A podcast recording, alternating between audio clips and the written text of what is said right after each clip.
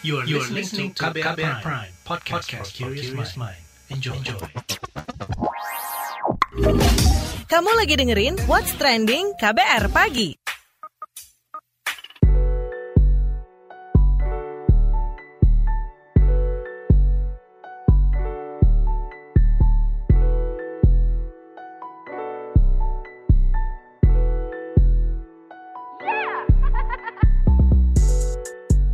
KBR Pagi, siaran pagi radio paling update. Selamat pagi, apa kabar Anda hari ini di hari Rabu 7 Juli 2021? Ketemu lagi dengan saya Don Brady di What's Trending KBR Pagi pastinya, yang ngobrolin hal-hal yang lagi ramai diperbincangkan. Jadi buat masyarakat yang dinyatakan positif COVID-19 dan harus menjalani isolasi mandiri, kini bisa mengakses layanan telemedicine yang telah diakomodasi pemerintah. Apalagi bagi yang memiliki gejala sehingga perlu mendapatkan resep dokter beserta obat-obatan, layanan telemedicine dapat diakses tanpa perlu keluar rumah. Layanan kesehatan telemedicine juga diharap meringankan beban rumah sakit di tengah lonjakan kasus COVID-19 dan penyebaran varian Delta. Pemerintah pun menggratiskan biaya konsultasi dan obat-obatan di layanan yang telah bekerja sama dengan Kementerian Kesehatan ini. Menteri Kesehatan Budi Gunadi Sadikin mengatakan para pasien positif COVID-19 yang menjalankan isolasi mandiri membutuhkan konsultasi, ketenangan, perhatian, dan kepastian bahwa mereka menerima pengobatan yang benar. Dokter pun bisa mengidentifikasi kondisi pasien berdasarkan hasil konsultasi. Lantas bagaimana respon netizen plus 62 soal bergantung telemedicine? Kita dengarkan berikut ini.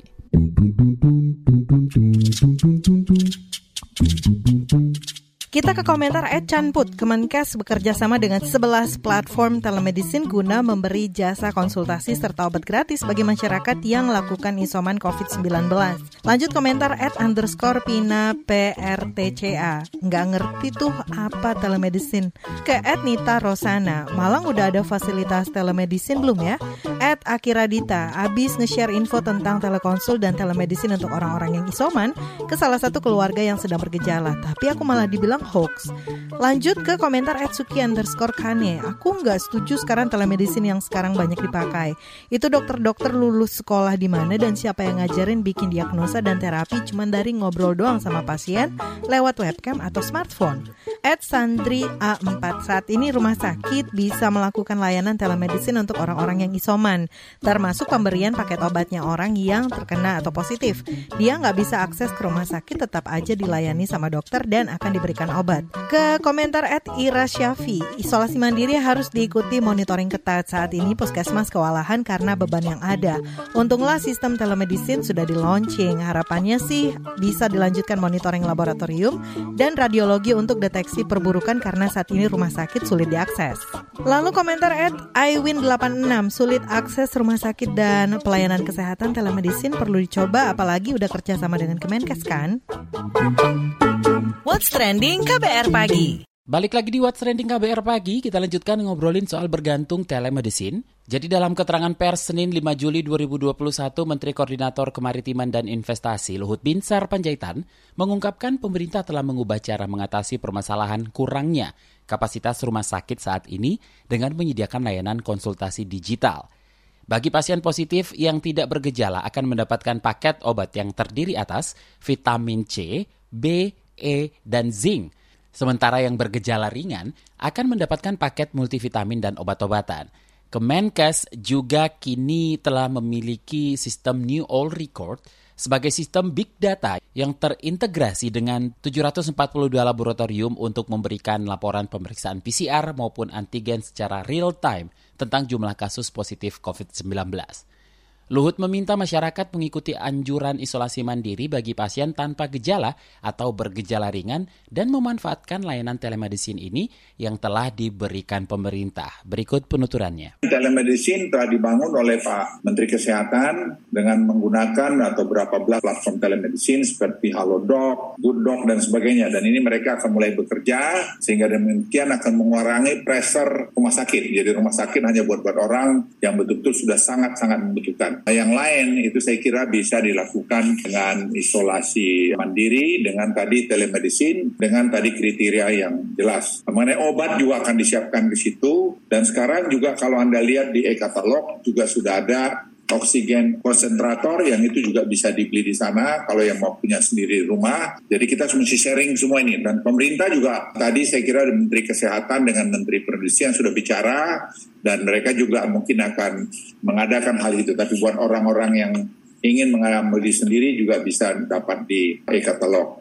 Nah ingat masa inkubasi itu 10 hari sampai 12 hari. Nah oleh karena itu kita memang betul-betul masih melihat dari sejak tanggal 3 ini kira-kira 10 sampai 12 hari ke depan baru kita berharap akan terjadi penurunan. Kita berharap memang kalau bisa lebih awal. Nah, ini juga tergantung bagaimana nanti banyak kesembuhan karena tingkat kesembuhan juga sangat tinggi, yaitu kita nomor dua di dunia setelah Rusia. Jadi kalau Anda lihat misalnya kesembuhan kemarin itu 13 ribu sekian dari yang infected 27.200. Jadi sebenarnya ada plus minusnya mengenai ini pemerintah melakukan yang terbaik. Dan dari apa yang kami dapat sampai tadi malam, Presiden juga nanya ke saya, saya bilang tidak ada yang terlalu mengkhawatirkan bila kita semua mengerjakan sesuai bidang kita masing-masing. Jadi mengenai oksigen, ya memang di beberapa tempat ada yang kurang, tapi segera kita atasin. Dan kita malah ada sudah mengimpor, saya kira sekarang ongoing, juga mengenai botol-botol juga dan sebagainya. Itu saya kira sudah kami kerjakan.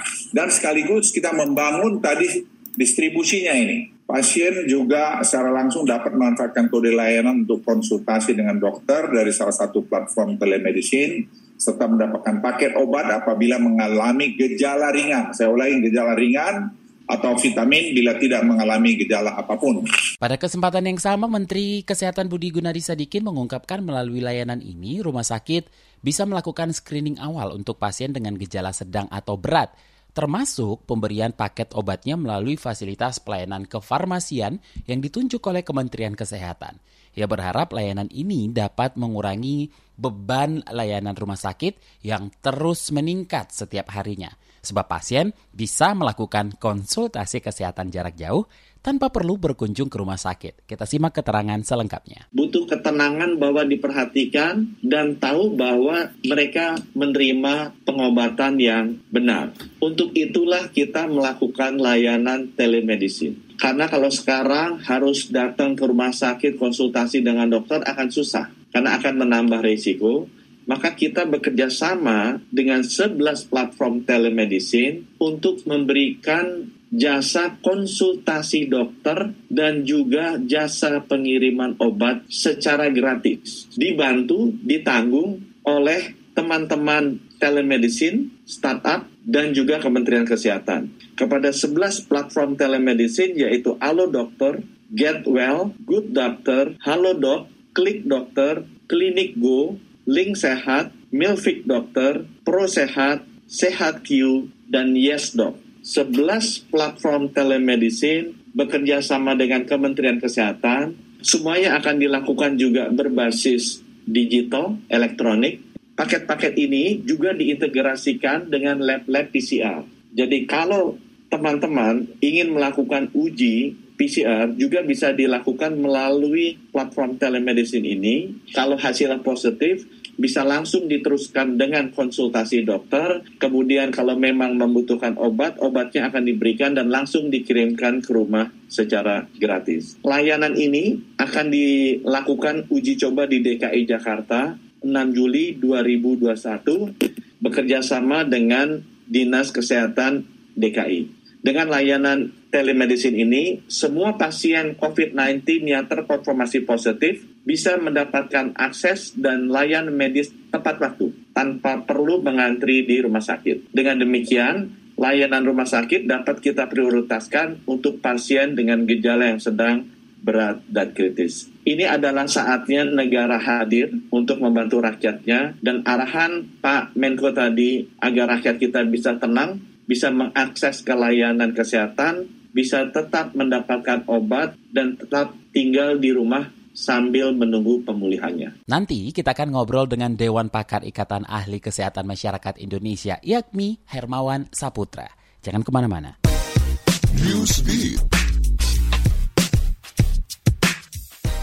Serikat Tenaga Kesehatan Inggris mengkritik rencana aturan pembebasan penggunaan masker di tengah pandemi COVID-19. Kritikan ini menyusul adanya rencana dari Perdana Menteri Inggris Boris Johnson yang akan melonggarkan kebijakan dan tidak mewajibkan penggunaan masker pada 19 Juli mendatang. Melansir Reuters, Ketua Dewan Perhimpunan Kesehatan Inggris Chan Nakmau menganggap rencana ini tidak masuk akal sementara ancaman COVID-19 di Inggris belum bisa ditekan. Ia mengatakan penggunaan masker sangat penting, khususnya di ruang publik seperti transportasi umum. Chan Nakmau meminta pemerintah Inggris meninjau kembali rencana ini sebab penggunaan masker penting untuk melindungi pengguna dan orang di sekitarnya. Korea Selatan membatalkan rencana pelonggaran penggunaan masker di Seoul dan wilayah lainnya akibat penyebaran varian Delta. Lonjakan terjadi di kalangan warga berusia 20 hingga 30 tahun. Badan Pengendalian dan Pencegahan Penyakit Korea menyatakan penggunaan masker wajib bagi setiap orang termasuk yang sudah divaksinasi. Sebelumnya, pemerintah Korsel berencana memperbolehkan warga yang sudah divaksinasi minimal satu dosis untuk membuka maskernya di luar ruangan. Rencana ini seiring dengan program vaksinasi yang berjalan dan terus dipercepat. Waralaba film Fast and Furious dikabarkan sedang menggarap film lepas yang fokus pada karakter Cyber. Penulis dari aktor sekaligus produser Fast and Furious Vin Diesel sedang mengerjakan skenario-nya. Syuting film ini pun rencananya dimulai tahun depan. Shepard adalah salah satu karakter antagonis yang dimainkan Charlize Theron yang muncul di The Fate of the Furious 2017. Di The Fate of the Furious, Shepard adalah seorang teroris cyber yang andal dan mengajak Dominic Toretto bergabung dan menjalankan misi-misinya. What's Trending KBR Pagi. Masih bersama saya Don Brady di What's Trending KBR Pagi. Jadi, mampukah 11 layanan telemedicine yang digandeng pemerintah ini mengurangi beban rumah sakit di tengah lonjakan kasus COVID-19? Dan bisakah masyarakat mengandalkan layanan kesehatan ini selama isolasi mandiri? Sudah bersama saya Hermawan Saputra, Dewan Pakar Ikatan Ahli Kesehatan Masyarakat Indonesia atau IAKMI. Pak Hermawan, bagaimana tanggapan Anda soal dibukanya akses telemedicine untuk masyarakat, Pak? Iya, memang sekarang kebutuhan konsultasi dengan klinisi, dokter, dan lainnya itu meningkat signifikan ya. Karena banyak yang memang isoman. Jadi konsultasi itu tidak hanya berkaitan dengan obat saja sebenarnya, tetapi juga perilaku dan juga tata cara pengendalian COVID. Nah, kaitan dengan penggunaan resep obat-obat khusus memang itu kan membutuhkan resep dari dokter. Nah itu sebab telemedicine itu sebenarnya penggunaan teknologi kan, terutama via daring atau online untuk mempermudah komunikasi, tapi license-nya harus jelas juga. Jadi kami tetap berharap agar tidak ada obat-obat tertentu yang keluar sembarangan tanpa resep dokter kita harus bisa membedakan yang mana obat, yang mana suplemen atau multivitamin. Kalau suplemen atau multivitamin rasa-rasanya bisa diakses ya. Tetapi kalau yang sifatnya terapi, ya misalnya obat tertentu yang sering kali di ruang publik kan dibahas ya ada rapipiravir, ada resmdesivir, apalagi macam yang lagi hit kemarin ada ivermectin misalnya itu semua kan tidak bisa dijual bebas ya. Sebenarnya kalau orang isoman itu kan prosedurnya buat mereka yang bergejala ringan atau tanpa gejala. Yang paling penting kan istirahat yang cukup, makan uh, gizi berimbang, exercise ringan teratur, plus multivitamin atau suplemen tadi. Jadi mestinya tidak terlalu urgent untuk orang-orang yang isoman untuk terapi tambahan berupa obat tertentu, terkecuali konsultasi untuk melihat perkembangan klinisnya, apakah ada gejala misalnya demam, batuk, sesak atau lain yang memang membutuhkan konsultasi dengan dokter. Efektifkah cara ini untuk mengurangi beban rumah sakit? Ya kalau kita bicara efektif atau tidak bukan di situ ya sisinya, tapi ini kan lebih kepada kebutuhan psikologis terutama karena kan masyarakat asimetris informasi ya. Jadi informasi buat masyarakat itu kan tidak clear. Masyarakat umum tidak paham tentang gejala, mekanisme, dan perkembangan virus di dalam tubuh dari hari ke hari. Sehingga walaupun mereka itu bergejala ringan atau tanpa gejala, secara psikologis menjadi kebutuhan publik. Jadi rumah sakit pun menyeleksi orang-orang dengan keterpaparan COVID yang wajib dirawat itu bergejala sedang hingga ke berat ya, terutama yang membutuhkan intensive care untuk ICU dan lain-lain. Hanya saja memang lalu lintas telemedicine ini harus tetap terawasi, tersupervisi oleh Kementerian Kesehatan atau Dinas Kesehatan di daerah supaya betul-betul yang bisa melaksanakan ini ini adalah dokter-dokter yang memang punya kompetensi ya yang punya license khusus untuk itu agar masyarakat juga tepat informasi dan tepat terapi begitu. Nah, apakah pelayanan telemedicine bisa diandalkan masyarakat? Adakah kekurangannya atau info kesehatan apa yang mesti disampaikan pasien selama mengakses layanan ini? Ya tentu saja kekurangannya pada aspek fisiologis namanya ya. Fisiologis itu seorang dokter tidak mampu melakukan observasi keadaan pasien secara fisik. Jadi hal ini akan menjadi sedikit kendala, misalnya sekedar mengukur suhu badan, kemudian melihat bagaimana uh, kondisi uh, saturasi oksigen misalnya ya, atau melihat bagaimana kemampuan gerak dan uh, gangguan-gangguan lain yang bisa disebabkan oleh infeksi COVID. Nah, tetapi dengan adanya kapasitas teknologi, bisa juga video call atau juga bisa melalui telepon, ya paling tidak itu membantu. Kalau dikatakan efektif 100% ya tentu tidak, tetapi membantu ya, sangat membantu terutama dari kebutuhan psikis ya dan juga kebutuhan informasi dari masyarakat. Oke, penanganan pandemi apa yang masih kurang dan harus dimaksimalkan di saat seperti ini, Pak? Ya, harusnya dilakukan optimalisasi treatment, tracing, dan testing ya. Jadi saya menyebutnya udah terbalik, tidak lagi testing, tracing, dan treatment. Jadi treatment itu pertama memenuhi kapasitas perawatan dengan cepat. Jadi berpacu dengan kecepatan penularan COVID, semakin banyak orang bergejala sedang dan berat akan membutuhkan ruang-ruang perawatan isolasi bahkan intensif. Nah, oleh karena itu ini harus dikejar kebutuhan ini dalam waktu yang cepat-cepatnya dan juga tidak hanya itu, tenaga kesehatan juga harus segera dilakukan kesukarelawanan ya, karena kebutuhan yang luar biasa mendesak di lapangan. Nah, yang kedua ya tracing, harus ada penyelidikan epidemiologi yang luar biasa untuk uh, mengestimasi resiko, sekaligus untuk cepat melakukan testing. Testing kita seharusnya pengetesan untuk PCR ini sudah di atas 900 ribu spesimen per hari ya. Karena kasus aktif kita udah lebih dari 300 ribu kasus aktif dengan laju penularan di atas 30 persen positivity rate. Jadi seharusnya kita udah ada di 900 ribu. Kalau ini tidak sanggup dikejar oleh pemerintah atau dilakukan, maka PPKM darurat dalam kondisi tidak efektif untuk kebijakan. Dan memang kami dari awal juga menyerukan lockdown regional menjadi solusi yang tepat untuk kebijakan secara nasional, supaya juga menghindari dari subjektivitas dan penerapan yang multitafsir di lapangan. Terima kasih Dewan Pakar Keikatan Ahli Kesehatan Masyarakat Indonesia, Hermawan Saputra. What's Trending KBR Pagi, Commercial Break. break. Suatu hari, virus berkumpul dan mulai kebingungan. Duh, bingung. Mau nyari mangsa ke mana lagi ya? Iya nih, semua orang pada pakai masker. Aku ada ide. Kita nongkrong di rumah makan aja gimana? Ngeliatin orang-orang yang lengah nggak pakai masker. Wah, ide yang bagus. Serbu.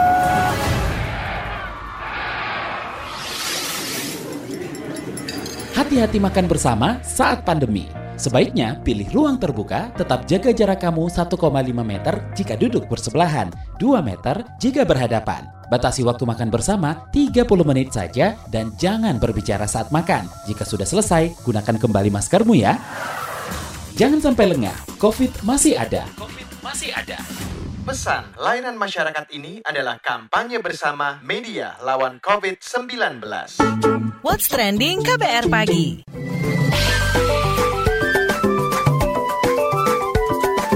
WhatsApp Indonesia. WhatsApp Indonesia kita mulai dari Cilacap, Jawa Tengah.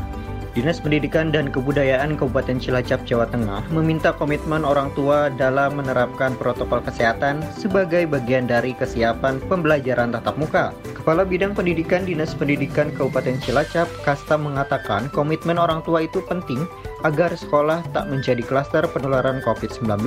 Karena itu, orang tua siswa di sekolah yang mengajukan izin PTM harus melampirkan sejumlah pernyataan.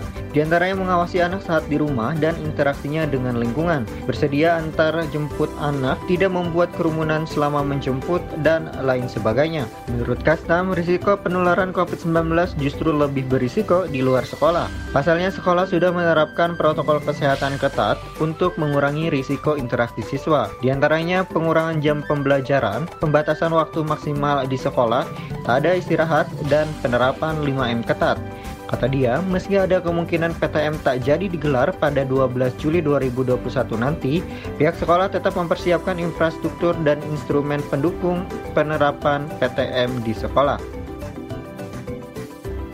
Selanjutnya menuju Papua. Dinas Pendidikan atau Distrik Papua akan memberikan sanksi guru SMA atau SMK sederajat yang belum divaksinasi COVID-19 namun terlibat pelaksanaan pembelajaran tatap muka atau PTM.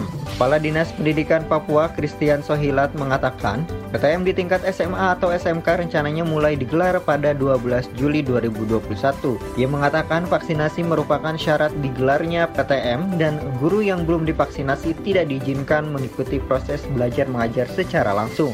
Salah satu sanksi yang diterapkan adalah peniadaan tambahan penghasilan pegawai atau TPP Triwulan. Tim Satgas COVID-19 pun akan melakukan inspeksi kesiapan pelaksanaan pembelajaran tatap muka pada 9 dan 10 Juli mendatang. Setiap sekolah diwajibkan menyiapkan masker, antiseptik, air bersih, pengukur suhu tubuh, dan unit kesehatan sekolah. Hingga akhir Juni 2021 baru 20% guru SMK dan SMK yang divaksinasi COVID-19 di Papua. PT Kereta Api Indonesia Daerah Operasi PT KAI Daop 2 Bandung membuka layanan vaksinasi bagi penumpang kereta api jarak jauh di stasiun Bandung. Menurut juru bicara PT KAI Daop 2 Bandung Kuswardoyo, Vaksinasi di stasiun Bandung akan dibuka setiap harinya selama masa pelaksanaan pembatasan kegiatan masyarakat atau PPKM dengan jam operasional pada pukul 8.00 sampai 12.00 waktu Indonesia bagian Barat. Untuk ketersediaan vaksin, setiap hari disiapkan 50 dosis. Kuswardoyo mengatakan proses vaksinasi untuk penumpang kereta api jarak jauh itu dilakukan sehari sebelum jadwal keberangkatan. Kata dia, syarat menjadi penumpang kereta api jarak jauh pada PPKM darurat yaitu calon penumpang harus melampirkan bukti mengikuti vaksinasi tahap pertama, hasil rapid test antigen yang berlaku 1 kali 24 jam atau hasil rapid PCR yang berlaku 2 kali 24 jam. Syarat lainnya adalah calon penumpang harus dalam kondisi sehat. Demikian WhatsApp Indonesia hari ini. Demikian KBR pagi hari ini. Jika Anda tertinggal siaran ini, Anda kembali bisa menyimaknya di podcast What's Trending yang ada di Spotify, di kbrprime.id, dan di aplikasi mendengarkan podcast lainnya. Don't ready, undur diri. Besok kita ketemu lagi. Stay safe. Bye-bye. Terima kasih ya sudah dengerin What's Trending KBR Pagi. KBR Prime, cara asik mendengar berita. KBR Prime, podcast for curious mind.